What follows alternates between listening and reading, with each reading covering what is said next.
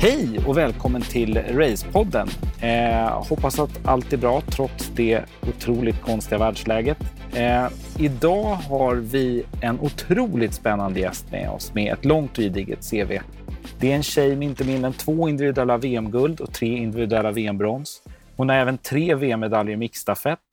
Hon har vunnit den totala världscupen säsongen 2008-2009 och år 2009 belönades hon med Jerringpriset bland annat får jag säga. Eh, och hon har även varit utsedd till Årets idrottskvinna. Jag välkomnar Helena Ekholm till podden. Tack så mycket. Härligt. Hur står det till idag? Jo, men det, trots tiderna som är nu så ska jag väl säga att det är väldigt bra. Ja, härligt. Vad, eh, vad har du gjort idag? Jag har, jag har haft en sån här eh, riktigt klassisk morgon med att tjata på barn och få iväg dem i tid till skola och förskola.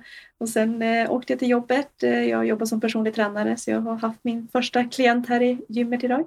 Ah, Okej, okay. snyggt. Eh, var det en tidig start eller vad, eh, när, när sätter du igång dagarna efter efterlämning? Så att säga? Ja, jag sätter väckarklockan på klockan sex för att hinna ha hyfsat gott ja. om tid och få iväg barnen. Men vid åtta var jag på jobbet. Ja, ja, det, jag tycker ändå det är en relativt tidig start, jag som är en lite senare människa än så. Eh, men du, du är ju för många känd som, som skidskytten Helene Ekholm och kanske till viss del även, även känd i tv nu som tv-kommentator. Men har du lust att berätta kort, vem är Helena så att säga, bakom allt det där? Ja, men jag är en, eh, ja, jag, jag skulle säga att jag är tjej, men det kan jag inte mm. säga längre. Jag är en kvinna på 36 år. Eh, uppvuxen i en liten by som heter Helgum, ligger utanför Sollefteå i Ångermanland, men har bott i Östersund sedan 2004. Och jag är gift eh, med David och har två barn som är fyra och sju år gamla. Mm. Härligt. Du nämnde förut att du är bland annat personlig tränare idag. Vad gör du annars? Och hur fördriver du dina dagar idag? Ja, men jag fördriver mina dagar med att ja, men jobba som personlig tränare. Eh, det, tar, ja, men det gör jag i princip på heltid. Samtidigt som jag kombinerar det med att jobba på SVT på skidskytte, som skidskyttekommentator och sitta i Vinterstudion. Mm. Vad, vad, så att säga, nu, nu går vi in här i, i skidskyttesäsongen såklart. Eh, jag menar, premiären var nu i helgen. Mm. Eh, vad, vad har du gjort så att säga sen, sen sommaruppehållet fram till, till idag? Eh, jag tänker när, när inte tvn är, är, är högst på agendan, antar jag. Nej, det är den absolut inte. Utan jag, jag har fokuserat på, på mitt jobb. Mm. Jag eh, tränar en hel del själv. Och eh, sen försöker jag hålla mig uppdaterad vad som händer i skidskyttevärlden genom sociala medier och, och se vilka är det som tränar och vilka verkar vara skadade och lite sådana grejer. Mm. Vad, vad, du nämnde att du, du tränar själv. Vad tränar du idag? Jag tränar framförallt löpning. Mm. Det tycker jag är, eh, men, det är så kravlöst, det är härligt, tidseffektivt framförallt i, när man har liv med barn och, och jobb och sådär. Så det är bara att på med skorna och ut och springa. Ja. Det, det, blir väldigt mycket löpning eh, kombinerat med styrketräning. Och sen åker jag lite rullskidor, men jag ser fram emot riktig skidåkning nu. Mm. Vad, vad, är, springer du asfalt eller springer du ute i skogen eller både och? Både och, men jag skulle säga att jag springer mest i skogen. Mm. Eh, jag, ibland springer jag på asfalt för att känna mig lite snabb. Ja, ja precis. Är, det, är, det så här, är du en råtrail-människa eller off-trail? Vad, vad, skulle du själv klassa det som att du gillar bäst? Eller är det mer skogsstigar? Liksom? Ja, men skogsstigar är nog mer min grej. Jag har ju ingen orienteringsgen så jag ger mig helst inte av utanför stigarna för då är det risk att jag inte hittar hem. Eh, men sen älskar jag att springa på fjället. Det är nog det allra bästa tycker jag. Ah, Okej. Okay. Ja, snyggt. Ja, det, det förstår jag ju. Framförallt om man, om man har det i blodet som, som du har såklart. Du, vi måste ju gå tillbaka och kika lite på, så, såklart, och, och komma ihåg lite från, från karriären här. Eh, har du något sånt där minne idag som du brukar gå tillbaka till och känna att det där betyder något sådär alldeles extra? Oj, ja, det finns ju många grejer, men jag skulle säga att mitt VM-guld 2011, det är nog det bland det häftigaste. Liksom, att, eh, ja, men det var en sån här dag när det inte skulle gå att skjuta så bra som jag gjorde. Jag var, i, ja, men jag var nog i mitt livs form där och då, både fysiskt och eh, mentalt. Mm. Hur, hur kändes det? Liksom? Hur, hur, kommer du ihåg den där känslan av, av din fysiska form? Vad var liksom... Vad, Har, har du, ja, men det känslan man kan köra på. Ja. ja, men alltså man bara kör på och så återhämtar man sig i en utförsbacke så kan jag köra på igen. Det här, den här känslan man aldrig kommer uppleva igen tror jag. Mm. Ja, jag förstår. Har, har, du möjlighet att beskriva lite för, för jag har ju tyvärr aldrig kört skidskytte. Det, jag tycker att det är en fantastisk så att säga, åskådarsport.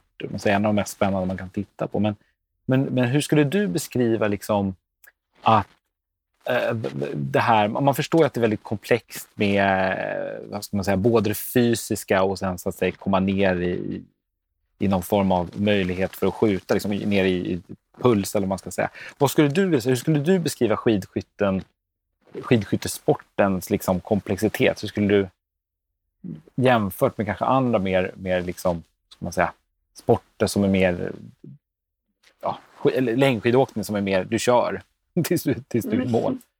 Ja, men det är ju just det inne på, just den här komplexiteten att, mm. eh, att köra på, liksom, åka skidor och liksom verkligen ta ut dig men samtidigt spara lite grann för att du vill inte stå och vara darrig i benen på skjutvallen. Mm. Och så just det här att du måste bara snabbt eh, lugna ner dig. Istället för att vara ute och åka så ska du bara in på mattan och så är det bara lugn fokus på den där pricken. Det, ja, men det är häftigt. Det är spännande att köra också. Det är spännande att titta på men det är nästan lika spännande att åka själv. Ja, jag kan tänka mig det. Vad har, vad har du för relation till, till sporten idag? Ja, men jag är otroligt intresserad. Jag följer allting. Eh, tycker det är fantastiskt och fantastiskt att uppleva en sån tv-sport också. Och jag kan gå tillbaka och titta på lopp som jag har kört själv och jag blir ju nervös när jag sitter och tittar för det. Så men tänk om jag bommar. Mm. Eh, så jag tycker att det är en fantastisk sport och jag, den kommer alltid ligga mig varmast om hjärtat. Mm. Mm. Ja, jag förstår det med framförallt med dina framgångar så förstår jag att det måste vara väldigt svårt att, att släppa. Vem, vem hade du som idol när, när du växte upp? Hade du någon idol? Just när jag var barn hade jag väl kanske ingen särskild idol, men när jag blev ja, men uppe i ungdomsåren, när jag började med skidskytte som 14-åring, då var det precis då när Magdalena Forsberg slog igenom. Mm, eh, så hon blev ju verkligen min idol och min förebild. Mm. Mm. Är det någonting som, som du känner i dagsläget ifrån din aktiva, eller när du kommer upp liksom mot din aktiva karriär som du som, som du känner att det där var liksom punkten när, jag, eh, när du visste att det här var din grej? Liksom? Jag tror det var när jag åkte mitt första junior-VM. Eh, innan dess, jag började med skidskytte, det var, jag var rent ut sagt bedrövlig faktiskt. Jag åkte, jag åkte inte skidor så fort eh, och skyttet fick jag inte alls att stämma. Så det, ja, men jag var inte så bra. Men sen var det ett år när det liksom började lossna lite grann. Jag fick åka på mitt första junior-VM och helt plötsligt gör jag mina bästa tävlingar någonsin där. Mm. Inte att det räckte till någon medalj, men det var ändå, jag sköt på ett sätt som jag aldrig har gjort förut. Och då var det som, ja men det är det här jag ska göra. Jag, jag behöver större tävlingar för att bli bra. Ja, jag förstår. Var, var, var du så att säga en duktig skytt redan som, som ung eller var det någonting som kom senare? Alltså jag var en duktig skytt. Jag sköt luftgevär från att jag var nio år. Mm. Eh, och där ja, men det var jag väldigt bra. Men sen fick jag inte riktigt med mig det in i skidskyttet på något vis. Framförallt inte på tävling så lyckades jag inte riktigt. Utan det tog några år innan jag kom in i det. Det är ju ett annat skytte med puls och vindar och ta hänsyn och så. Men det tog ett tag innan jag kom in i det. Men det var när jag fick börja ja, men dels träna mycket på, genom skidskyttegymnasiet och sen komma ut på större tävlingar. För att jag, jag vet jag tror jag behövde det för att typ skärpa till mig. Mm. skärpa till sig, ja. eh, längdskidåkningen, hade du med dig den som barn också? Eh, jag menar nio år, börja skjuta är ju tidigt tänker jag. Eller tidigt, ja, men det, då har man ju med sig Ja, men eh, alltså, skidor har jag för mig ännu längre. Det har jag ju mm. åkt från att jag var riktigt liten. Jag åkte min första tävling när jag var tre och ett halvt år. Eh, så 300 meter. Eh, ja, men det har jag alltid. Min mammas familj, där har man alltid åkt skidor. Inte så mycket tävlingar, men man var ute och åkt skidor. Så morfar tog med mig väldigt mycket ut på skidspåret hemma i lilla byn. Och, mm. Eh, sen var det farfar som tog med mig på skyttet, så det blev en bra kombination. Mm. Hur skulle du vilja säga att, när du växte upp i, i Sollefteå, där, hur skulle du vilja säga att, att fördelningen var liksom mellan olika sporter? Var det, var det skidskytte som dominerade eller var det längdskidåkning eller någonting annat som, så att säga. Det var ju framförallt längdskidåkning var ju det jag höll på med mest eh, mm. fram till jag var 14 då. när jag började med skidskytte så var det ju det som var största fokuset. Men jag fortsatte tävla i längdåkning tills jag började gymnasiet mm. egentligen. Och eh, skyttet, det, liksom luftgevärsskytte, det slutade jag med när jag började med skidskytte. Ja, just det. Just det. Gjorde du någon annan sport förutom eh, längdskidåkning och, och skytte? Jag har ju som de flesta andra spelat fotboll. Ja. Men eh, det, det var ju mer för att alla andra gjorde det och alla behövde ställa upp för att byn skulle få ett lag. så jag spelade väl tills jag började i högstadiet. Sen kände jag att nej, det här är inte min sport. är, är du en, en sådär själv, skulle du klassa dig själv som en sån här väldigt individuell idrottare eller känner du att, jag tänker om man jämför då med fotbollen och och skidskytte så kan jag tänka mig att det är lite, man drivs av lite olika saker. Ja, jo men det är jag nog. Alltså jag, jag trivs ju ändå att ta ansvar för min egen prestation. Man ska säga att resultatet blir på grund av vad jag har gjort. Jag har nog kanske lite svårare i en lagsammanhang att jag ska förlita mig på andra också. Eh, sen gillar jag just den här laggrejen, att man är ett lag och är tillsammans. Men det tycker jag skidskytte var bra också, för vi var ett väldigt tajt lag, liksom landslaget. Och vi hade fantastiskt roligt tillsammans men man fick ändå sköta sin egen prestation på något vis. Mm. Mm. Ja, jag förstår. Har, vad heter det, om, om vi eh, tittar lite tillbaka på din karriär, är det någonting som du saknar så där extra speciellt idag på karriären? Det jag saknar idag är, ja, men det är väl det sociala. Att eh, liksom tillhöra, tillhöra ett sammanhang på det sättet. Jag har, klart jag har sammanhang idag också men det blir ju inte lika starkt som man var med ett landslag, att eh, man var med där och tränade och tävlade och levde liksom, med de andra människorna. Jag var skidskytten Helena, liksom. det, var, mm. det fanns inte så mycket annat. Så det, det kan jag sakna lite grann emellanåt. Mm. Är det någonting du absolut inte saknar?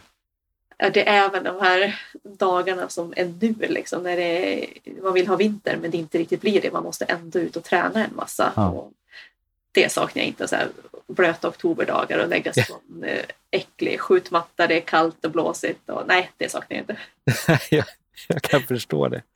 För, för jag tänkte, vi ska, vi ska komma in lite på det. Eh, jag, är, enormt, enormt spänd på, på hela den här resan genom en säsong. Eh, men, men innan vi kommer dit så skulle jag vilja fråga så här, en ganska rak fråga. Hur blir man bäst som du ändå var? Liksom, vilka egenskaper skulle du vilja säga krävs från en person att liksom bli så bra som du blev i en sport? Men det är nog, ja men framförallt är det att man har viljan. Och att man ärligt vill göra det. Ingen annan, det är inte pappa eller någon tränare som vill att du ska bli bäst i världen utan du måste ha ett eget inre driv och verkligen underkasta dig hård träning.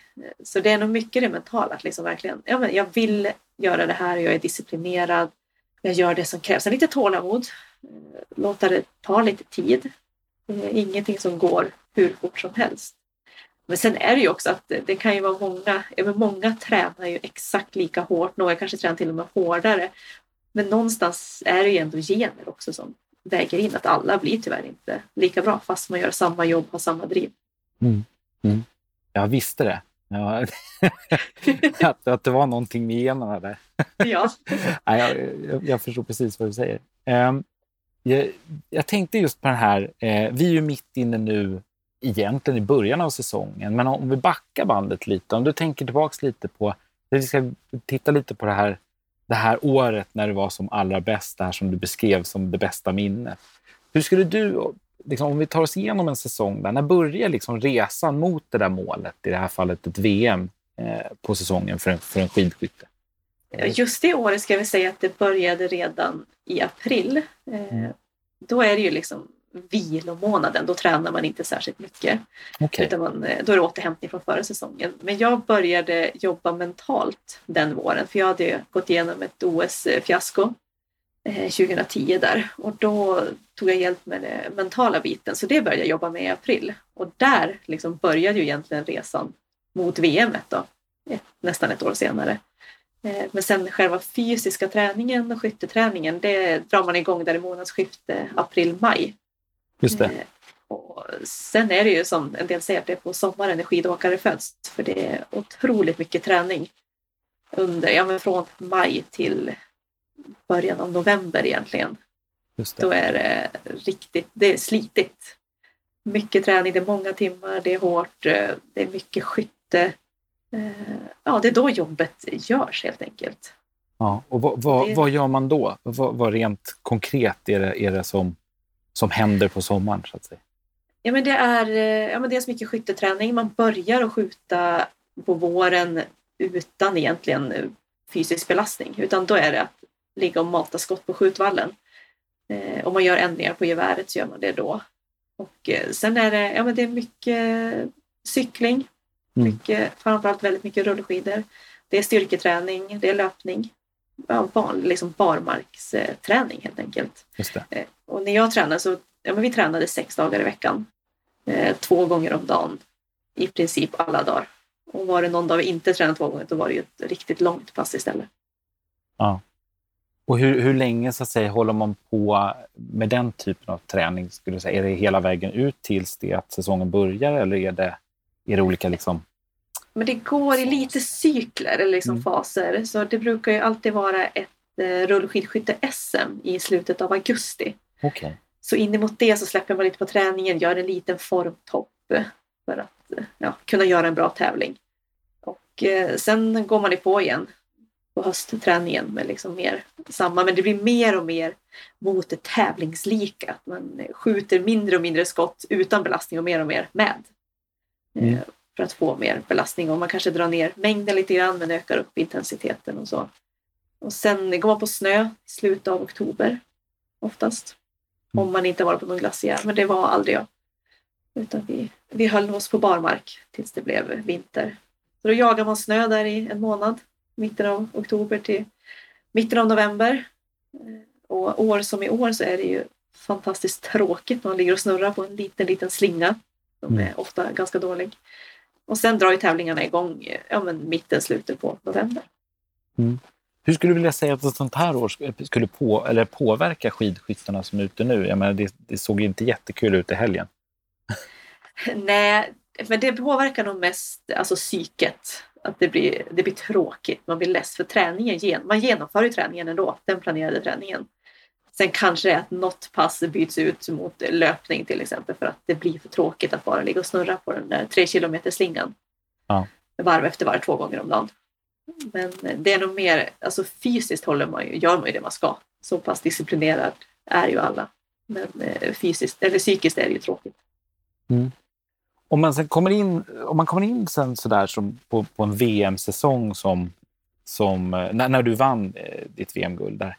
Hur, hur så att säga särskiljer sig ett sånt år? Eller jag kan ju tänka mig att det särskiljer sig. Eh, men, men jag tänker när du åker världscuptävlingar jämfört med liksom, hur, hur bygger man upp en sån säsong? Det är väl egentligen det som är, är min fråga.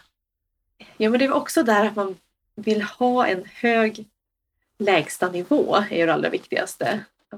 Ändå vara liksom hyfsat förberedd, eller vara förberedd för tävlingarna. Men att man ändå sparar det sista krutet till VM på något vis. Mm. Och lägger in en liten, liten träningsperiod under juluppehållet.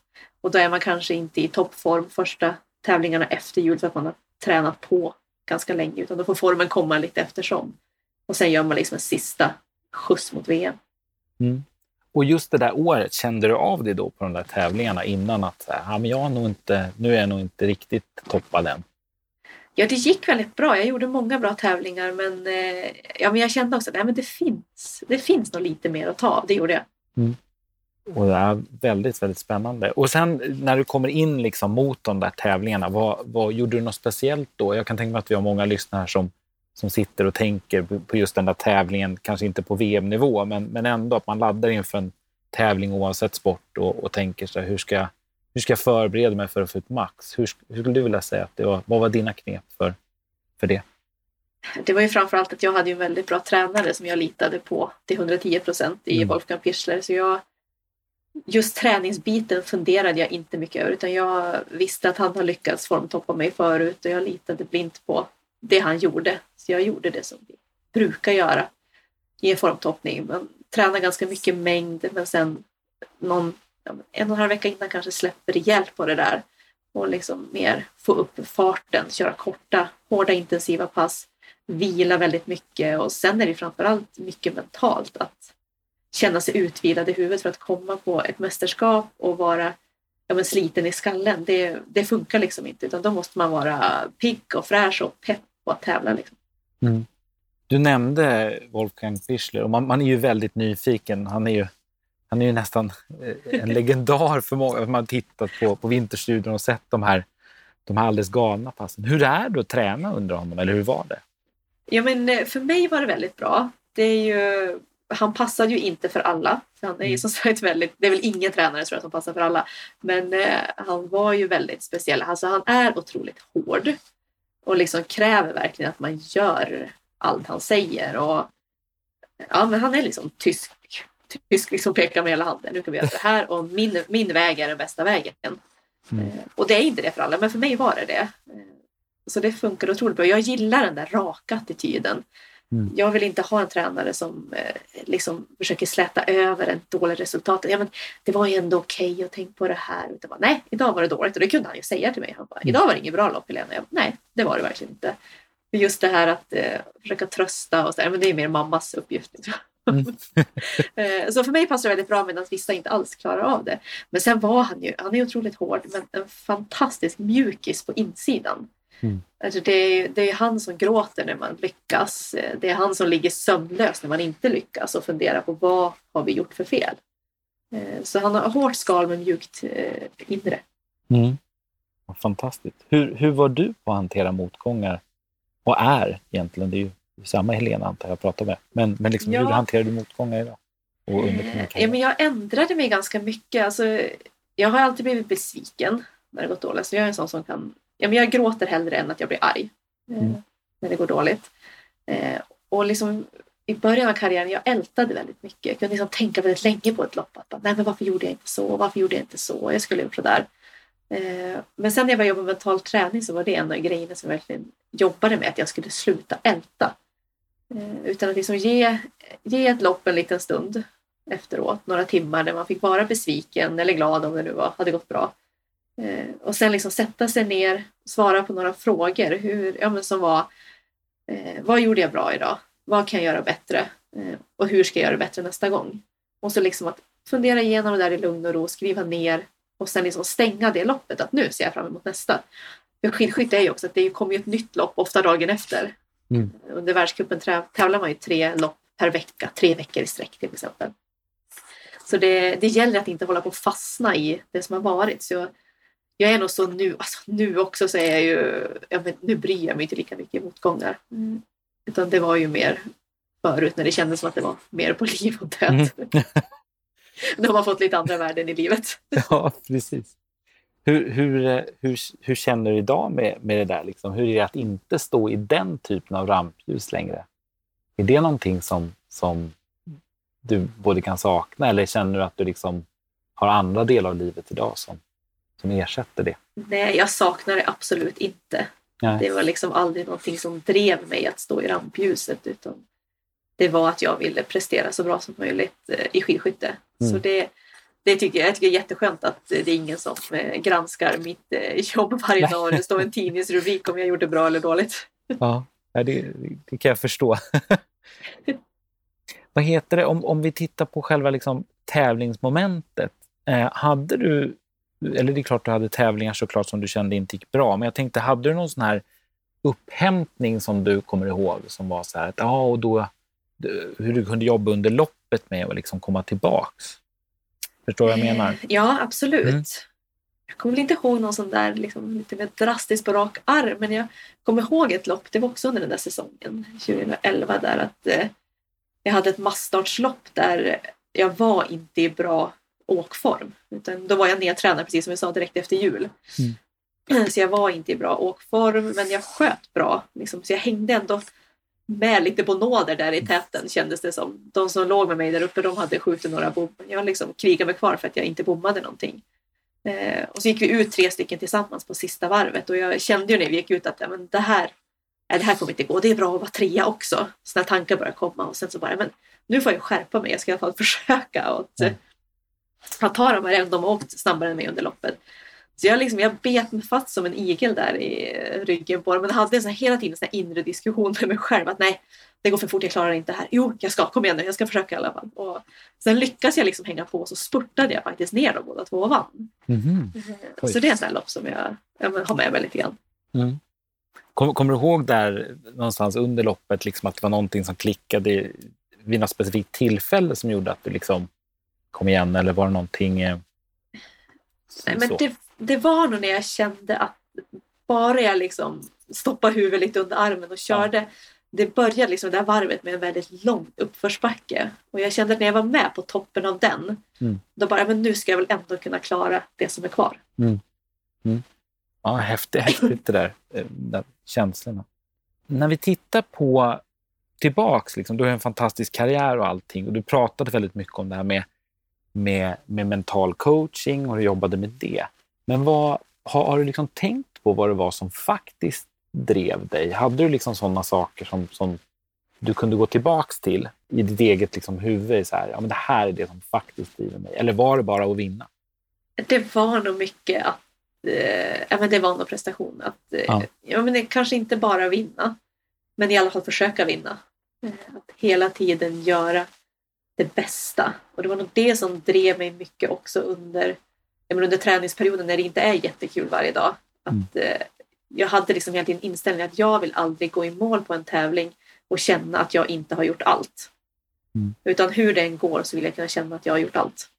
Mm. Så det var det som du tänkte på de där ska man säga, oktoberdagarna Ja. som du beskrev förut? Ja men det var man drog upp rullgardiner och bara ville gå och lägga sig igen. Då var. Ja. Ja, men jag vet att mina konkurrenter, de kommer inte gå och lägga sig igen. Nej, just det. Nej, såklart. vad, vad, är det sådana drivkrafter du känner att du, du använder idag också i det, i det du gör? Ja men det är det nog. Att jag, ja, jag är ju en ganska presterande människa. Att jag, Mm. vill, jag vill ha liksom mål att jobba mot och jag, jag gör jobbet. Liksom. Jag är en doer. Hur, hur, så att säga, du jobbar ju som personlig tränare. Är det här någonting du jobbar med eh, tillsammans med, med vad ska vi kalla dina adepter?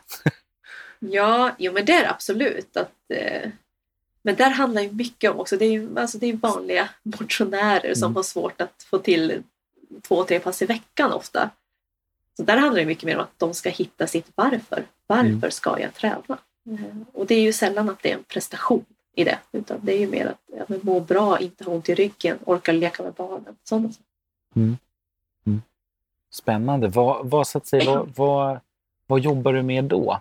Eh, Jag antar att det inte är skidskytten ni övar, eh, eftersom det är en ganska komplex sport. Men, men, men så att säga, vad, vad, hur brukar du jobba med dem? Mycket löpning kanske? Ja, men det, det är löpning. eh, Alltså styrketräning försöker jag ju få alla att göra någonting av.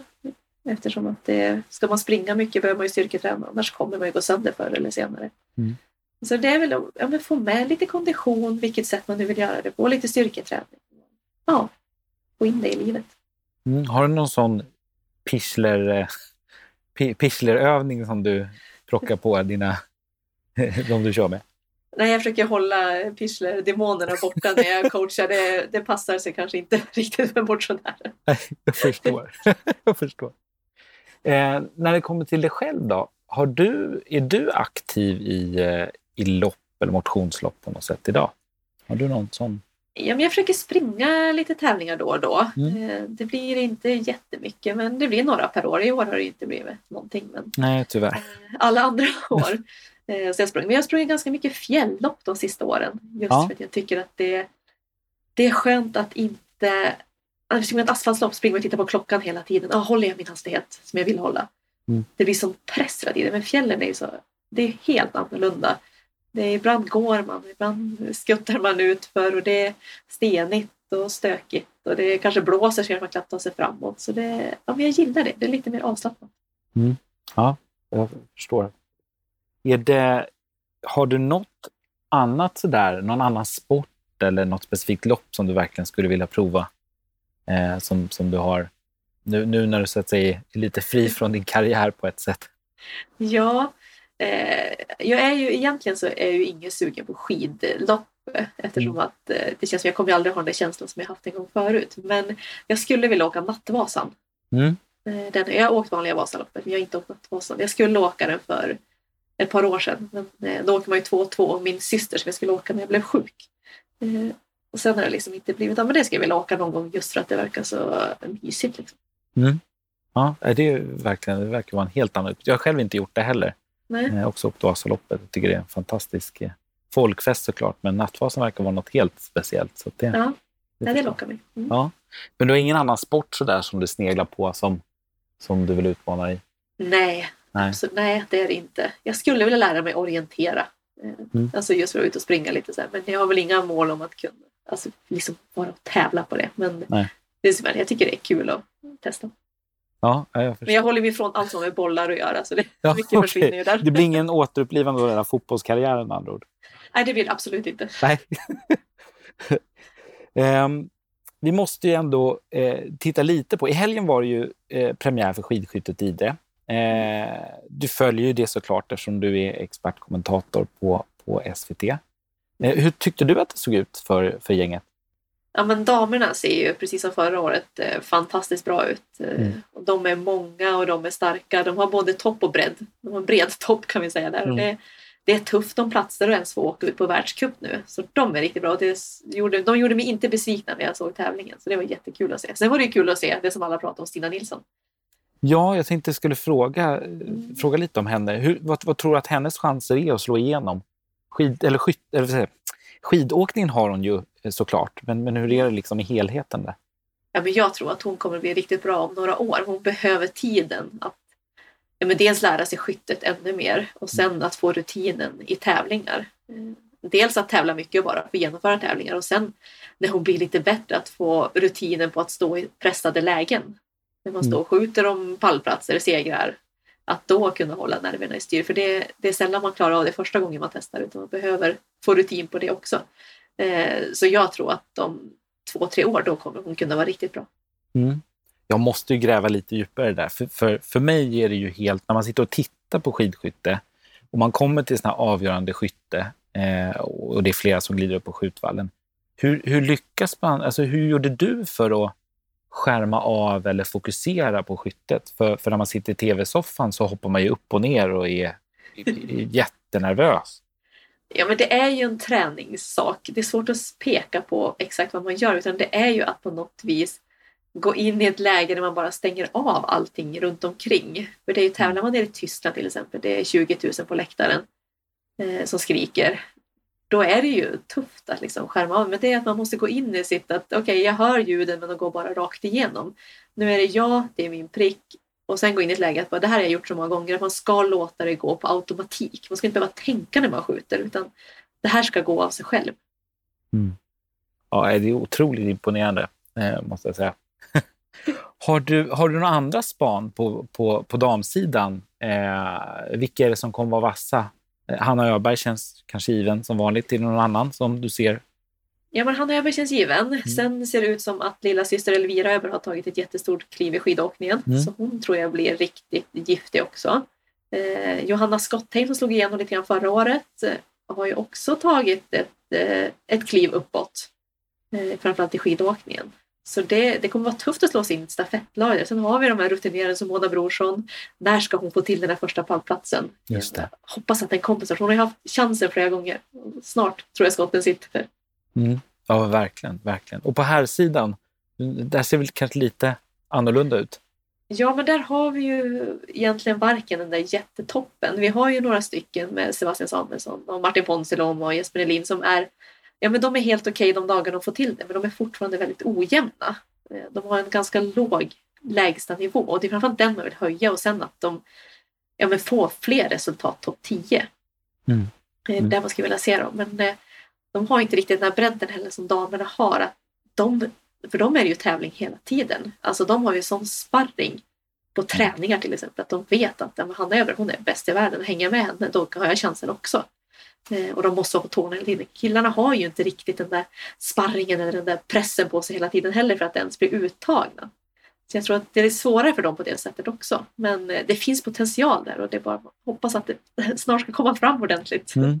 Ja, verkligen. Hur, hur viktig var, var den sparringen, tycker du själv, under din karriär? För du hade ju också ett, ett väldigt bra lag. att jobba Ja, men den var jätteviktig. Framförallt hade jag ju Anna-Karin Sidek eh, Mm. som... Ja, men när jag kom med i laget så var ju hon bäst i världen. Eh, Och hon varvade ju mig liksom då. Mm. Att man började tänka att ja, men när jag hänger, den dagen jag hänger med henne, då är jag ju också där. Mm. Eh, Och helt plötsligt så är man där. Men Nu, nu tränar jag ju med henne. Jag hänger med henne på de här tuffa passen. Då, ja, men då växer man ju som människa också på att det här, det kan bli riktigt bra. Ja, det är otroligt häftigt. Eh, nu är det så att nu har jag eh, gått igenom hela mitt frågebatteri här eh, och det har varit otroligt spännande. Men jag har en sista fråga och det är ju slutligen, vad ser du mest fram emot eh, under den här säsongen och även 2021? Det jag ser mest fram emot det är ju att den här coronaskiten ska försvinna. Mm, Ja, såklart. Det gör jag. Ja, det, och det kan vi vara två om. Ja, det är bra. Vi är nog många om det tror jag. Ja, jag tror också det. Härligt. Eh, och så, nej, nu fick jag en fråga till i huvudet, så jag ställer den också. Eh, vem vinner världskuppen på herr och damsidan i skidskytte? Jag tror att på herrarna vinner eh, Johannes Tinnesbø igen. Mm. Och på damsidan tror jag på Hanna Öberg. Snyggt. En svensk i alla fall. Jajamän.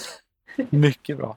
Jätte, jättestort tack Helena för att jag fick sno lite tid av dig. Eh. Mycket, mycket spännande. Eh, jag ser fram emot att se dig i tv-soffan och eh, även följa hur, hur eh, om du kommer utveckla någon form av pyssleträning här vid sidan om. Det kanske kommer. Ja, det kanske kommer precis med, med, med din, din karriär vid sidan om tv-uppdraget. Stort tack och tack till alla er som lyssnade på Racepodden den här gången. Vi återkommer snart med ett annat avsnitt. Tack så mycket. Hej då!